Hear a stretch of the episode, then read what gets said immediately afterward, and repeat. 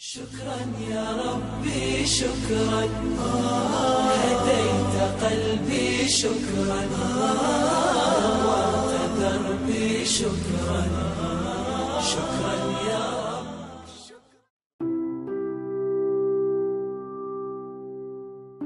Berkah Ramadan ini sering juga disebut dengan Sahrun Mubarak. Ramadan Sahrun Mubarak artinya adalah Ramadan ini penuh dengan keberkahan.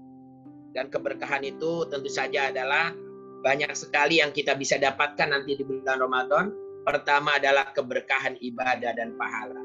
Bayangkan Bapak Ibu sekalian, biasanya kita sholat ya sholat fardu dibarengi dengan sholat sunnah yaitu duha juga ada sholat sunnah tahajud sholat sunnah yang dikaitkan dengan ibadah kita pada saat sholat yaitu sholat qobliyah ya tapi alhamdulillah di bulan Ramadan ini keberkahan ibadah ini ditambah lagi bukan hanya sholat qobliyah maupun sholat ba'diyah tapi ditambah lagi dengan sholat taraweh ya ini menunjukkan bahwa secara kuantitas kita ditambah oleh Allah Subhanahu wa taala untuk melakukan ibadah. Bahkan ibadah puasa selama satu bulan lamanya yang biasanya dilakukan dalam keseharian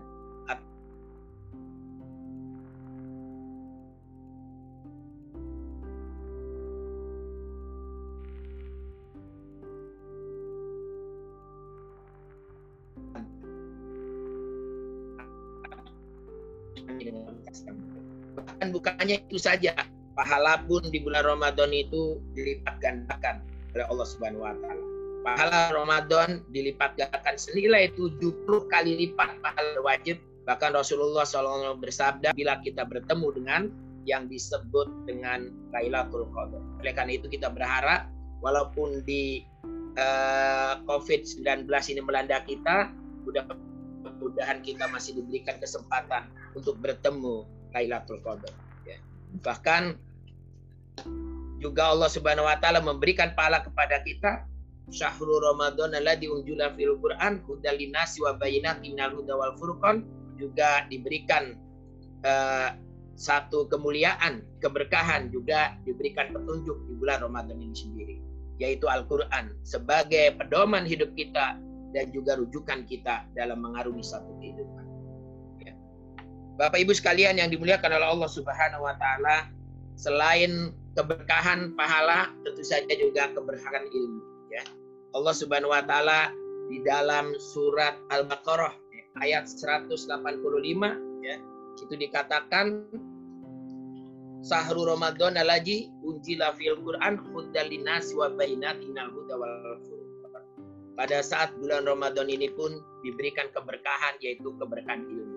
Iqra bismi rabbikal ladzi khalaq khalaqal insana min 'alaq Iqra wa rabbukal akramul ladzi 'allama bil qalam 'allamal insana ma lam ya'lam. Lima ayat yang pertama ini diturunkan di bulan Ramadan. Ya, bacalah untuk Tuhanmu yang menciptakan. Dan ini luar biasa, keberkahan ilmu ini adalah bukan hanya sekedar ilmu kauliah, ya. bukan hanya ilmu kauliah, tapi kita juga diberikan oleh Allah Subhanahu wa taala ilmu kauniyah ilmu kauliah di bulan Ramadan tentu saja adalah melalui satu surat-surat dan ayat-ayat yang menekankan kepada kewajiban kita yang harus kita laksanakan, tapi ilmu kaunianya kita juga bisa belajar banyak dari Ramadan. Ramadan juga sering disebut uh, sumu tashiru, artinya adalah Ramadan ini adalah bulan di mana juga melatih diri kita untuk sehat. Ya. Kenapa Ramadan ini menjanjikan kesehatan? Karena pada saat Ramadan justru yang biasanya perut kita ini sibuk dengan melakukan sebuah aktivitas ya memproduksi ya eh, berbagai macam makanan di dalam tubuh, memproses yang namanya metabolisme di dalam tubuh, tapi di bulan Ramadan ini ada istirahatnya. Walaupun kita memang tidak berhenti makan, tapi makannya diatur sedemikian rupa. Sehingga yang namanya aktivitas metabolisme di dalam tubuh itu teratur dan yang itulah yang akhirnya menyehatkan. Eh, Deddy Corbuzier itu juga dietnya melalui sebuah aktivitas puasa. Setiap 8 jam baru dia makan. Ini luar biasa. Nah kalau kita hitung dari mulai jam kira-kira nanti jam 4 ya kita sahur sampai kita maghrib berarti kita 10 jam ya 10 jam kita menahan diri dari rasa haus dan lapar dan ini mudah-mudahan dengan rasa haus dan lapar yang kita lakukan ini juga membantu terutama saya yang nanti tubuhnya menjadi sehat karena tidak terlalu gemuk gitu ya insya Allah mudah-mudahan. Ini keberkahan dari yang disebut dengan keberkahan ilmu. Jadi yang disebut dengan keberkahan ilmu keberkahan kesehatan dan juga keberkahan ekonomi itu juga akan kita dapat. Dari mana kita bisa menjamin adanya keberkahan ekonomi karena Ramadan apalagi kalau bulan-bulan yang tidak ada Covid ya 19 atau tidak wabahnya corona saya yakin bahwa perekonomian umat Islam satu bulan ini itu menjadi meningkat. Baik perekonomian ini bukan hanya umat Islam saja tapi dampaknya juga kepada umat-umat yang lain ya.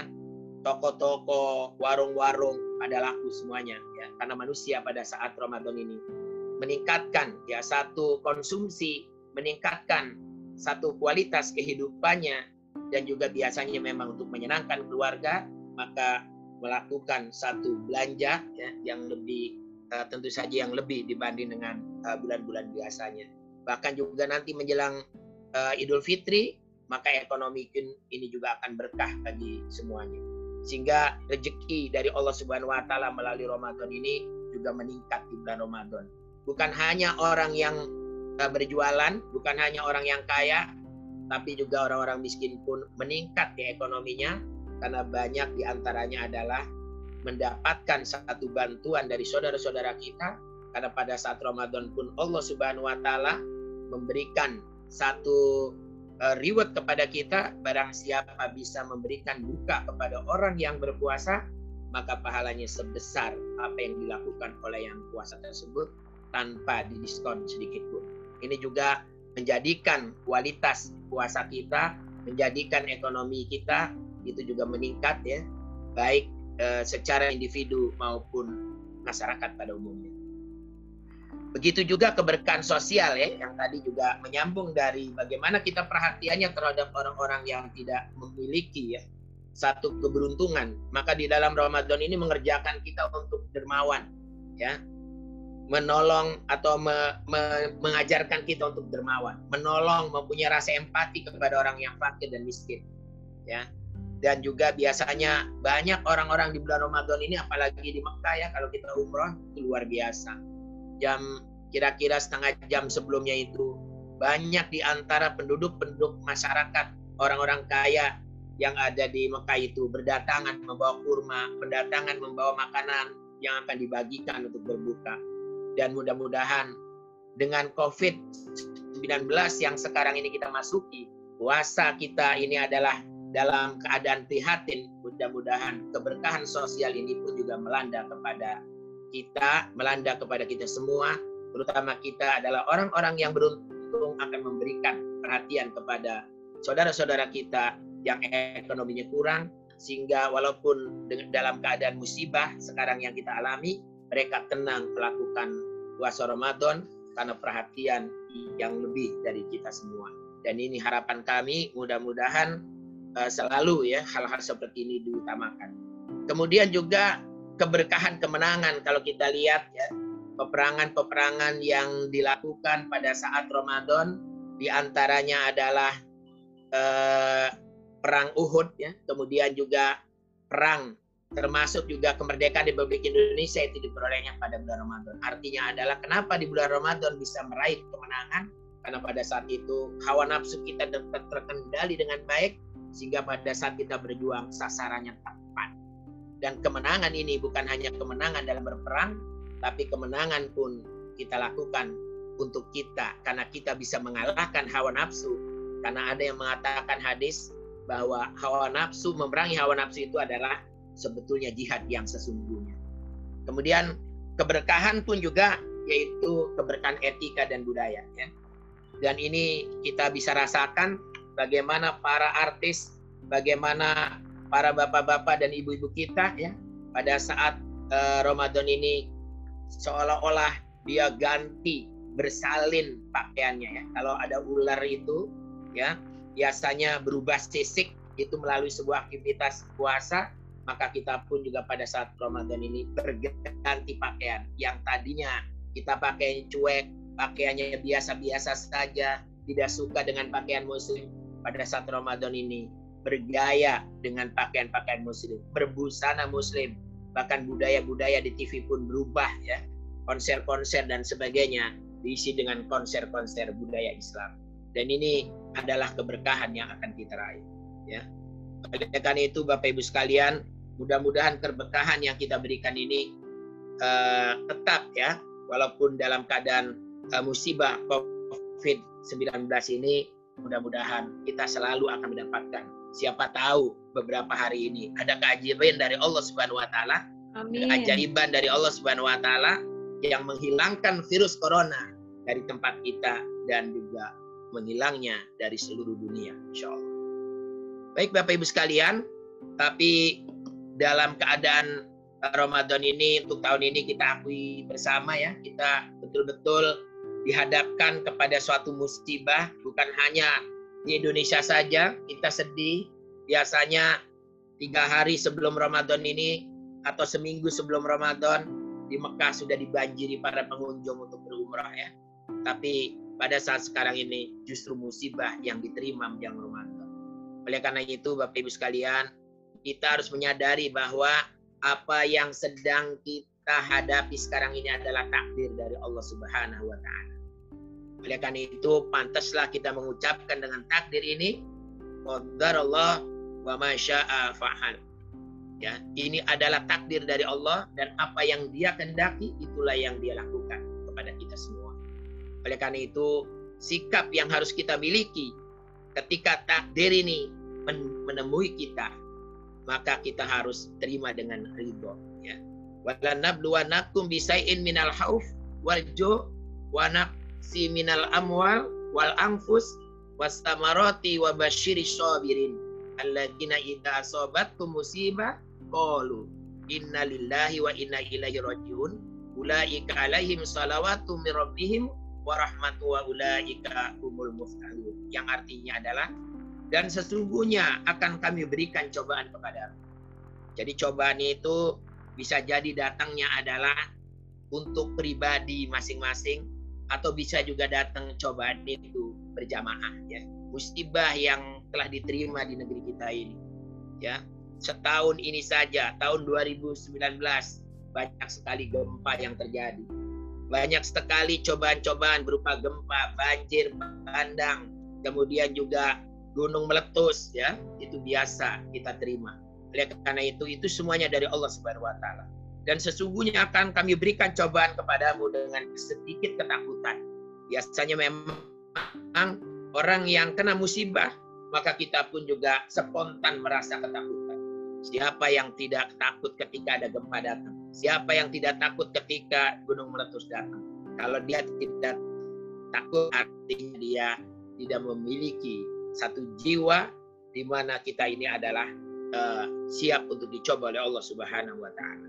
Kemudian juga kelaparan, kekurangan harta, jiwa, buah-buahan ya. Kadang-kadang kita juga mengharapkan pada tahun ini misalnya musim tapi justru tidak diberikan musim dengan baik. Ini pun juga cobaan. Dan berikanlah berita gembira kepada orang-orang yang sabar. Jadi yang paling tepat untuk menghadapi daripada musibah ini tidak ada lain adalah kita harus bersabar sambil melakukan evaluasi diri ya. Jangan-jangan cobaan yang diberikan oleh Allah Subhanahu wa taala musibah yang menimpa diri kita ini adalah karena kita melanggar ketentuan-ketentuan Allah. Sebagaimana dikatakan walau anna ahlul qura aman wa taqau la fatahna alaihim barakatim minasyamai wal ard walakin kadzabu fa'adnakum bimakan seandainya penduduk negeri ini semuanya beriman dan bertakwa kepada Allah Subhanahu wa taala, niscaya Allah akan berikan berkah dari langit dan bumi. Tapi karena disebabkan kita ini melanggar ketentuan-ketentuan Allah, maka Allah berikan ya kepedihan kepada kita berupa bencana, berupa musibah. Oleh karena itu, kita harus mengevaluasi diri pula. Jangan-jangan musibah yang sekarang kita terima bersama ini karena secara berjamaah kita banyak melalaikan perintah-perintah Allah. Maka di bulan Ramadan kita harus tingkatkan kualitas diri kita untuk melakukan sebuah aktivitas yang lebih kuat lagi. Beristighfar, berdoa, berzikir, kemudian mendekatkan diri kepada Allah dengan berbagai macam aktivitas ibadah yang harus kita gunakan. Pada saat menerima musibah, maka kita patut mengucapkan innalillahi wa inna ilaihi rajiun. Yang artinya adalah segala sesuatu milik Allah dan akan kembali kepada Allah Subhanahu wa taala. Mereka itulah yang mendapatkan keberkahan yang sempurna dan rahmat dari Tuhan, mereka dan mereka itulah orang-orang yang mendapat petunjuk. Jadi ketika kita dapat musibah, maka yang harus kita munculkan kita menerima dengan takdir itu dengan ridho. Habis itu kita lakukan evaluasi diri, ambil hikmah di balik musibah itu, ya. Contohnya pada hari ini ini juga satu hikmah yang biasanya kita jarang melakukan kajian seperti ini. Bahkan sekolah-sekolah pun guru-gurunya menjauh dari online, sementara negara-negara di sebelah kita, negara-negara di tetangga kita, Singapura, Malaysia, bahkan Inggris sudah lama memperlakukan dengan Cambridge-nya, ya pembelajaran jauh-jauh, pembelajaran yang berbasis dengan online atau daring, tapi alhamdulillah ya ada hikmah di balik musibah ini kita bisa melakukan kegiatan seperti ini. Mudah-mudahan nanti akan mengoptimalkan belajar kita ya di malam hari anak-anak kita pun juga bisa disapa dengan daring oleh guru-gurunya bahkan juga bisa memberikan satu informasi-informasi melalui aktivitas seperti ini sehingga optimalisasi antara hubungan sinergi antara keluarga dan juga uh, orang tua itu akan terjalin dengan baik. Ajarkan anak-anakmu sesuai dengan perkembangan zamannya ternyata bisa diperoleh hikmahnya pada saat sekarang ini. Bapak Ibu sekalian yang dimuliakan oleh Allah Subhanahu wa taala. Apalagi yang harus kita lakukan menyikapi musibah ini, maka kita pun harus menyerahkan kepada Allah Subhanahu wa taala, ya. Artinya adalah musibah ini datangnya dari Allah, maka kita memohon kepada Allah Subhanahu wa taala agar segera ya segala yang diberikan kepada kita musibah yang datang ini dikembalikan kepada Allah Subhanahu wa taala dicabut oleh Allah Subhanahu wa taala, yeah. dihilangkan, dilenyapkan oleh Allah Subhanahu wa taala dari negeri yang tercinta ini. Dengan syarat tadi kita memperbaiki diri untuk senantiasa beristighfar dan melakukan peningkatan kualitas ibadah kepada Allah Subhanahu wa taala dengan bertobat dan berdoa. Dengan bertobat dan berdoa, sekali lagi dengan bertobat dan berdoa. Ya, barang barangkali saja kesalahan sedikit yang kita berikan ataupun karena kita menolak apa yang diperintahkan Allah, itulah yang menjadi penyebab musibah ini datang. Oleh karena itu, Allah Subhanahu wa taala mengatakan melalui hadis Rasulullah SAW, Nabi bersabda, "Ajabal lil mu'minil la yaqdillahu lahu syai'an illa kana khairullah." Sesungguhnya menakjubkan seseorang mukmin tidaklah Allah menetapkan kepadanya sesuatu kecuali merupakan kebaikan baginya. Jadi artinya di sini ada satu hikmah di balik musibah yang diberikan oleh Allah Subhanahu wa taala. Oleh karena itu sekali lagi perkuatlah dengan tobat, perkuatlah dengan mendekatkan diri kepada Allah. Dan menanggapi musibah yang terakhir tentu saja kita pun juga harus saling meringankan ya. Saling meringankan kepada saudara-saudara kita yang punya keberuntungan karena memiliki simpanan, memiliki harta yang cukup, maka sebaiknya kita bantu saudara-saudara kita. Jangan sampai di medsos ya baru ketahuan kalau ada saudara kita yang meninggal karena kelaparan. Sedih rasanya. Ya umat Islam segini banyak di muka bumi ini. Ternyata ada di antara umat Islam yang lain yang bukan hanya sakit tapi meninggal karena kelaparan. Bukankah hadis Rasulullah mengatakan kita ini ibarat satu tubuh antara umat Islam yang satu dengan Islam yang lain itu ibarat satu tubuh. Kalau ada yang sakit sebagian tubuh kita, maka sekujur tubuh kita pun akan merasakan sakit. Bapak Ibu sekalian yang dimuliakan oleh Allah Subhanahu wa taala, ya. Dikaitkan dengan puasa, tentu saja semua kondisi ini amat mudah bagi Allah untuk mengubah ya. Karena putaran roda dan sangat mudah bagi Allah melakukan kegiatan-kegiatan tersebut. Ya. Allah Subhanahu wa taala mengatakan ma'asabatu min musibah fil ardi wala fi anfusikum illa fi kitabim min qabli an tabra'aha inna dzalika 'ala Allah yasyur.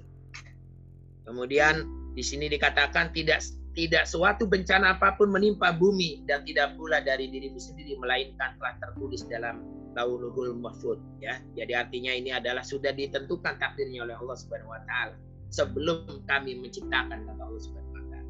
Oleh karena itu ini adalah takdir dari Allah Subhanahu wa taala dan juga kebetulan datang juga pada saat bulan puasa yang bulan puasa itu juga adalah merupakan ujian kesabaran bagi kita.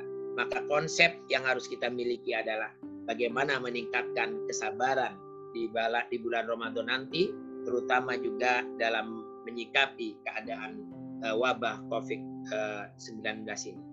Bapak Ibu sekalian yang dirahmati Allah Subhanahu wa taala. Ujian itu ibarat seorang ayah bagi anak.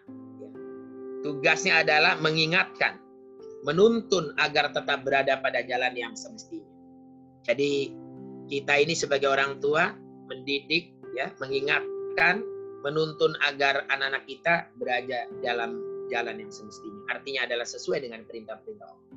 Tapi yang pasti dan harus kita yakini sebagai bagian dari akidah yang sohe apa pun yang Allah tetapkan tak ada yang makhluk yang bisa merubahnya ya Seba, sebagaimana Rasulullah telah bersabda wa ta'lam an ma asobaka lam yakul liyuhtinaka wa an mah waka am yakun liyusibak. Artinya adalah hendaklah engkau tahu bahwa sesuatu yang ditakdirkan akan menimpamu tidak mungkin luput darimu dan segala sesuatu yang ditakdirkan luput darimu pasti tidak akan menimpanya. Oleh karena itu setiap orang pastilah akan mendapatkan eh, cobaan-cobaan dari Allah. Cuman cobaannya memang ada cobaan yang kecil, ada cobaan yang besar, ya. Oleh karena itu Ibnu Rajab Al-Hambali mengatakan ternyata puasa juga adalah bagian dari ujian kesabaran. Oleh karena itu siapa yang bersabar dengan ujian wabah juga bersabar dalam menjalankan perintah puasa, menahan diri dari apa yang diharapkan Allah baginya, maka keduanya akan mendapatkan pahala tanpa batas. Innama yuwaffas sabiruna ajrohum bighairi hisab. Sesungguhnya orang yang Sesungguhnya hanya orang-orang yang bersabarlah yang dicukupkan pahalanya. Mereka tanpa batas. Innallaha ma'asyabirin. Sesungguhnya Allah bersama orang-orang yang sabar. Oleh karena itu, kuatkan kesabaran kita dalam melawan atau menghadapi virus corona sambil kita berjuang berikhtiar untuk tidak kena diri kita dengan protokoler kesehatan yang sangat diperketat kemudian juga dengan menjaga diri agar jasad kita juga prima dengan mengkonsumsi makanan-makanan yang bergizi dengan mengkonsumsi banyak vitamin dengan mengkonsumsi banyak makanan-makanan yang sehat maka insya Allah kita terhindar dari penyakit ini. Sambil kita juga bersabar ya dalam melaksanakan ibadah Ramadan sabar itu sebetulnya ada tiga Bapak Ibu sekalian terkait dengan uh, yang kita pahami ya ini ada yang membaginya menjadi tiga bagian. Yang pertama adalah sabar dalam melakukan ketaatan kepada Allah Subhanahu wa taala. Ya. Terkadang kita ada rasa malas. Terkadang kita ada rasa terpaksa ya. Lagi enak-enak kita subuh apa namanya tidur nyenyak ya. Kemudian ajan. Kemudian itulah ujian kesabaran kita. Pada saat itu Allah Subhanahu wa taala meminta kita as-salatu khairu minanau. Sesungguhnya salat itu lebih baik daripada tidur. Kita harus bergegas, berwudu dan melaksanakan sholat. Walaupun sebetulnya kita ngantuk yang luar biasa karena ada pekerjaan ekstra yang telah kita lakukan. Tapi dengan kesabaran kita dalam melakukan ketaatan pada Allah, maka dengan sendirinya kondisi apa pun yang kita hadapi, tetap kita akan melakukan sholat dan ketaatan itu dengan baik. Ya. Kemudian Bapak Ibu sekalian sabar meninggalkan hal-hal yang haram. Ujian kita ini sering terjadi, ya. Orang yang kerja di mana saja, baik di kantor, di pasar, di swasta, ya. Kemudian sebagai pemimpin itu pun juga diuji kesabarannya untuk meninggalkan barang-barang yang haram, ya. Kadang-kadang ada satu pendapat haram aja susah didapat apalagi yang halal. Ini hati-hati. Itu adalah ucapan setan yang akan mengajak kita terjerumus pada hal-hal yang jauh dari nilai-nilai yang diberikan oleh Allah Subhanahu wa taala. Oleh karena itu bersabar dalam meninggalkan yang haram ini pun juga kita harus bersabar. Godaan di kantor banyak. Ya. Ketika kita memegang sebuah jabatan, iming-iming dari bawahan, bahkan kadang-kadang masuk dalam aktivitas proyek, ya. banyak sekali juga godaan-godaan. Saya pun mengalami ya banyak sekali godaan-godaan itu di kantor, tapi alhamdulillah ketika sabar, ketika kita istiqomah menjalankan perintah Allah, maka itu kita tinggalkan. Karena konsep ihsan harus melekat pada diri kita, ya seolah-olah pada saat kita ingin melakukan aktivitas apa pun, Allah melihat kita. Kalaupun kita tidak melihat Allah, maka Allah sebetulnya melihat. Oleh karena itu konsep ihsan inilah yang harus kita wujudkan dalam rangka meninggalkan hal-hal yang dilanggar oleh Allah atau yang dilarang oleh Allah Subhanahu wa taala termasuk juga meninggalkan hal-hal yang haram. Ya, sedikit tapi berkah akan lebih bagus daripada banyak tapi tidak berkah. Bahkan sedikit berkah ini akan memberikan anak-anak kita hidup secara mulia. Mereka pun bisa melakukan aktivitas ibadah dengan baik. Menghafal Quran. Tapi ketika kita ini tergoda dengan makanan-makanan haram kita konsumsi, di dalam tubuh kita ini ada daging, yang daging itu adalah busuk, maka sekujur tubuh kita pun akan merasakan kebusukan dari daging tersebut. Oleh karena itu tinggalkan yang haram ini dengan rasa bersabar ya. Kita kalau betul-betul menekuni apa yang diperintahkan Allah, bekerja dengan baik, maka insya Allah walaupun kita mendapatkan sedikit ya maisha, tapi insya Allah akan cukup untuk melakukan satu kehidupan. Amin. Dan yang berikutnya adalah sabar terhadap apa yang ditakdirkan oleh Allah Subhanahu wa taala, ya. Ini takdir ini banyak Bapak Ibu sekalian takdir yang pertama adalah takdir yang sedang kita alami ya takdir kita ini juga dijadikan seperti ini ini adalah ditakdirkan oleh Allah kita bersuami istri juga ditakdirkan oleh Allah kemudian kita mempunyai profesi yang sekarang ini pun juga ditakdirkan oleh Allah semuanya tidak luput dari apa yang dipilihkan oleh Allah Subhanahu wa taala oleh karena itu menerima takdir dengan baik itu akan memberikan kita ya La yukallifullahu nafsan ila usaha. Allah tidak membebani seseorang melainkan sesuai dengan kesanggupannya.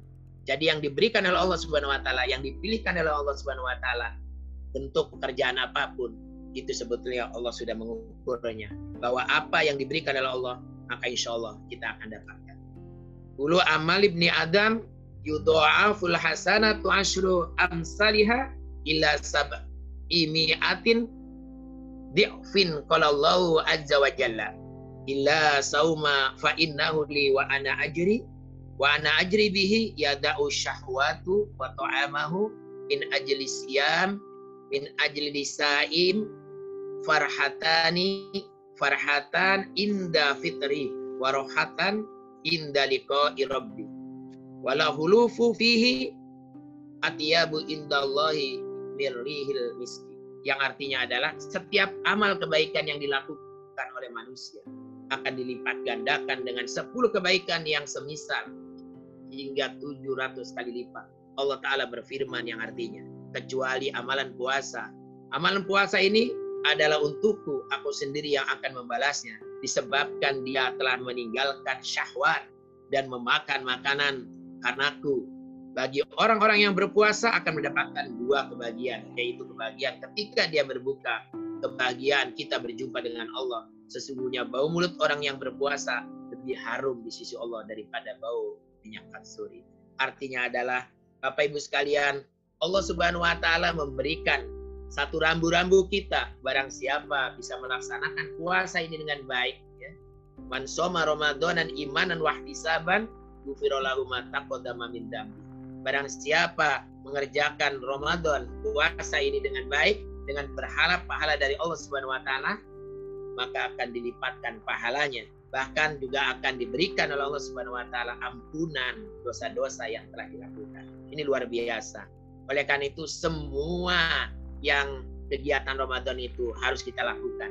dengan sabar dalam melakukan ketaatannya, dalam sabar untuk meninggalkan larangan-larangannya, dan dalam sabar terhadap apa yang ditakdirkan oleh Allah Subhanahu wa taala.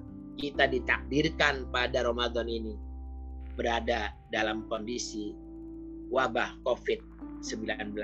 Oleh karena itu kita harus bersabar. Ya. Kita optimalkan aktivitas kita di rumah.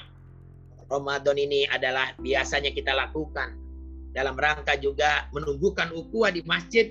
Tapi hari ini, Ramadan kali ini kelihatannya Allah Subhanahu wa taala ingin yang mengkondisikan agar ketahanan keluarga ini terbentuk dengan baik di setiap rumah-rumahnya orang muslim ya. Dan ini harus kita terima takdir Allah ini. Siapa tahu di balik itu justru banyak hikmah yang kita dapatkan. Bapak Ibu sekalian, oleh karena itu yang harus kita lakukan dalam rangka Ramadan ini adalah bertobat kepada Allah Subhanahu wa taala ya. Dengan taubatan nasuha ya. Bertobat. Kenapa? Karena di dalam kondisi Covid ya 19 ini jangan-jangan sekali lagi itu karena kesalahan yang banyak dimiliki oleh kita semua ya. Oleh karena itu kita harus bertobat. Taubatan nasuha, tobat yang sebenar-benarnya. Dengan cara menguatkan ruhiyah kita, Bagaimana caranya menguatkan ruhiyah kita? Tentu saja mulai dari sekarang. Kita kondisikan ruhiyah kita agar kita senantiasa senang untuk menyambut kedatangan Ramadan dengan berbanyak zikir kepada Allah, dengan banyak tilawah, dengan memperbanyak eh, doa, dengan berbanyak munajat ya, yang biasa kita lakukan kegiatan-kegiatan kita dilipat gandakan semua aktivitasnya ini pun dalam rangka menguatkan ruya kita. Yang kedua, perbanyak ibadah kepada Allah Subhanahu wa taala. Kesempatan untuk meraih pahala yang berlipat di bulan Ramadan ini jangan disia-siakan.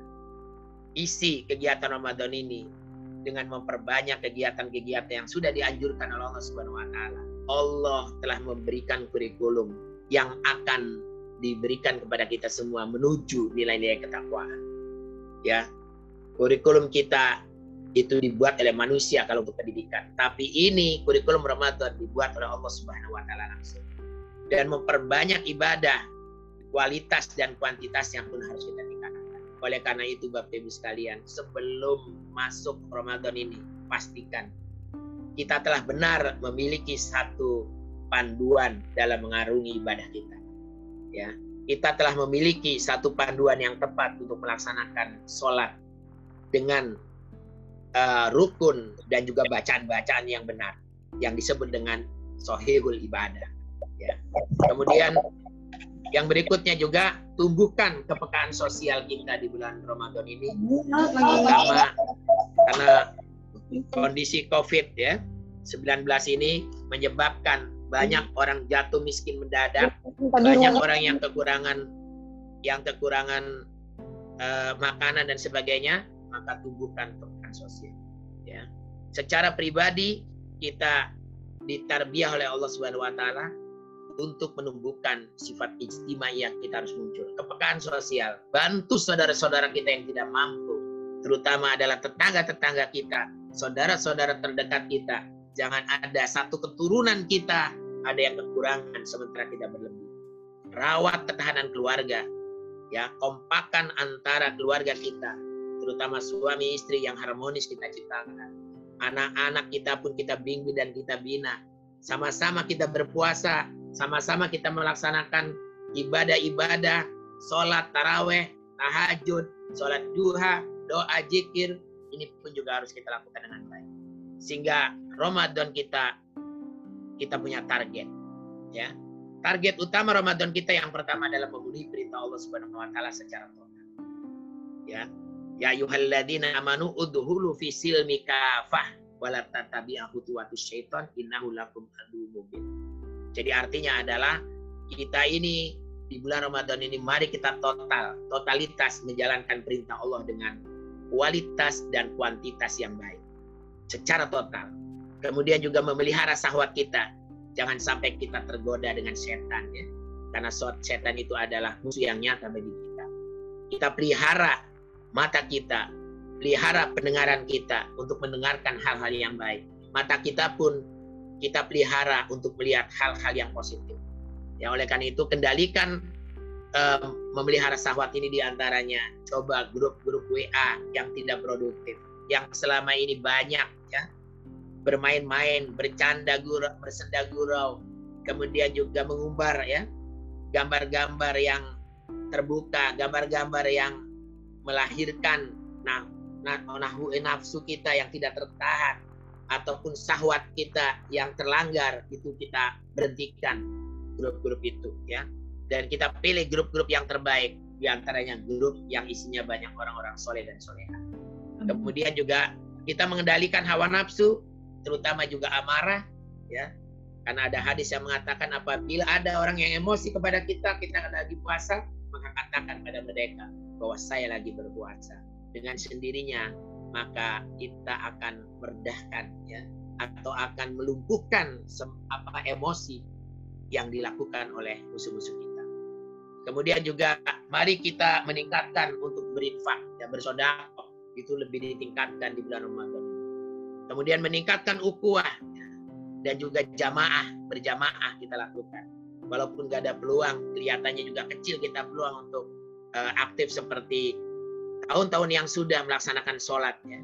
Tapi untuk tahun ini kelihatannya agak sulit untuk kita lakukan dikarenakan uh, kondisi yang tidak memungkinkan. Oleh karena itu kita ganti ya aktivitas ukuah ini untuk keluarga. Aktivitas jamaah kita lakukan secara berjamaah di keluarga. Sholat fardu berjamaah, sholat taraweh berjamaah, kemudian juga usahakan sholat tahajud juga bisa berjamaah bahkan kita bisa tadarus bersama dan juga menargetkan hafalan dan sebagainya itu juga kita lakukan. Kemudian menumbuhkan empati, rasa empati yang tinggi kepada saudara-saudara kita yang tadi sudah saya jelaskan, melatih ikhlasan dalam beramal dan juga melatih pola hidup tertib dan teratur. Ya, Ramadan ini memaksa kita untuk dapat mengkondisikan ketertiban. Ya, jangan seperti yang disindir oleh Taufik Ismail. Orang-orang Indonesia itu katanya tertib ketika buka puasa. Gitu ya. Jadi tertibnya jangan hanya buka puasa, tapi tertib menjaga aturan-aturan puasa dan juga tertib untuk tidak melanggar aturan-aturan yang dilarang oleh Allah Subhanahu wa taala. Akhirnya Bapak Ibu sekalian, mari kita buat agenda Ramadan di rumah. Ya, dalam kondisi Covid jangan juga kita lupakan. Kita harus memanfaatkan aktivitas di rumah pun harus berbobot dan berkualitas. Yang pertama, sambut Ramadan dengan penuh ceria. Kita walaupun tinggal beberapa hari ya, kalau tidak hari Jumat, kita hari Sabtu berpuasa. Ya. Oleh karena itu, kita kondisikan rumah kita untuk menyambut tamu agung ini. Kita bersihkan rumah kita, sampah-sampah kita buang, kemudian juga ruangan-ruangan kita rapikan. Kalau belum punya musola, maka kita kondisikan satu tempat untuk sama-sama kita bertakarub ila Allah, berzikir, melaksanakan sholat jamaah berkeluarga, itu pun harus kita siapkan, yaitu dengan menyambut uh, penuh ceria. Kemudian juga jangan lupa di Ramadan nanti, sholat fardu kita lakukan secara berjamaah. Amalkan sunnah zikir dan doa, ya termasuk juga zikir maksyurat, itu pun juga kita lakukan secara berjamaah dengan keluarga kita. Bikin kultum keluarga, ya. Setiap sholat yang paling pas itu kalau habis terawih atau subuh kita laksanakan kultum sebagaimana juga kita biasa dengar di masjid kita ganti kegiatan itu di kultum keluarga ya dan secara bergantian anak-anak kita yang sudah dewasa dikasih peluang untuk sama-sama memberikan tausiah sekaligus juga adalah menumbuhkan dai-dai baru dalam keluarga kita kemudian juga kita melakukan buka bersama yang biasanya juga dengan teman kantor yang biasanya dengan keluarga besar tapi untuk sekarang ini setiap hari kita akan buka bersama dengan keluarga. Oleh itu ajari anak-anak kita sekaligus untuk menyiapkan buka, juga anak-anak kita memasak, sekaligus juga melatih kemandirian bagi anak-anak kita semua ya. Dan selanjutnya adalah tarawih berjamaah dan tahajud itu juga kita latih. Ya, kemudian juga jangan lupa kita juga lanjut dengan tadarus karena dengan tadarus ini adalah akan mempercepat hafalan eh, apa akan mempercepat hatam Quran. Tidak terasa kalau ada lima orang berputar empat baris empat baris, empat halaman empat halaman maka dapat 20 halaman sekali membaca dapat satu juz misalnya. Kalau tadarus ini tiap hari bersama-sama kita lakukan dapat satu juz. Ditambah lagi dengan ibadah pribadi, tilawah pribadi dapat satu juz, maka minimal dua juz akan kita dapat hatam Quran ya di Ramadan ini. Tapi karena sekarang sudah tidak lagi kerja di kantor, perjalanan pun juga tidak dilalui dengan macet ya. Kita di rumah, maka alangkah baiknya kita manfaatkan selama ada di rumah dengan tadarus bahkan kita pun target menambah hafalan Quran terutama surat-surat pendek terutama juz amma ya bagi orang-orang tua yang belum terhafal dengan baik maka kita ulangi. Kita lakukan murojaah buat anak-anak kita dan sebagainya. Berikutnya juga ditambah dengan bincang keluarga ya. Dan bincang keluarga ini kita angkat ya temanya pekan ini apa kemudian kita bicarakan dengan kita. Siapa tahu dengan kondisi yang sama-sama lapar, kondisi yang sama-sama prihatin, kita bisa memunculkan satu kesepakatan yang dibangun untuk memperbaiki yang disebut dengan kualitas keluarga kita, ketahanan keluarga kita. Dan kalau bisa simak juga online, kalau memang ada ceramah-ceramah yang menarik agar bisa didengarkan bersama, inilah bagian juga yang tidak terpisahkan. Berlatihlah memasak, menyiapkan berbuka, kemudian juga aktivitas mandiri yang dilakukan oleh anak-anak kita, dan jangan lupa juga perhatikan tetangga kita untuk peduli terhadap tetangga dengan memberikan makanan, memberikan iftar, ya, uh, takjil maksud saya kepada tetangga kita, tapi kita libatkan anak-anak kita inilah yang akan memberikan kepada saudara-saudara kita atau tetangga-tetangga kita. Ya, jangan jauh-jauh karena tidak boleh keluar dari rumah. Oleh karena itu Bapak Ibu, mudahan dengan program-program ini maka kita akan tetap ya semangat untuk melaksanakan ibadah Ramadan ini walaupun Ramadan ini adalah di uh, selimuti dengan COVID-19 tapi tetap kita melaksanakan Ramadan ini dengan baik dan Ramadan kita sekarang ini lebih meningkat kualitasnya dibanding tahun-tahun sebelumnya. Barangkali itu yang dapat saya sampaikan. Kurang lebihnya mohon maaf. Assalamualaikum warahmatullahi wabarakatuh.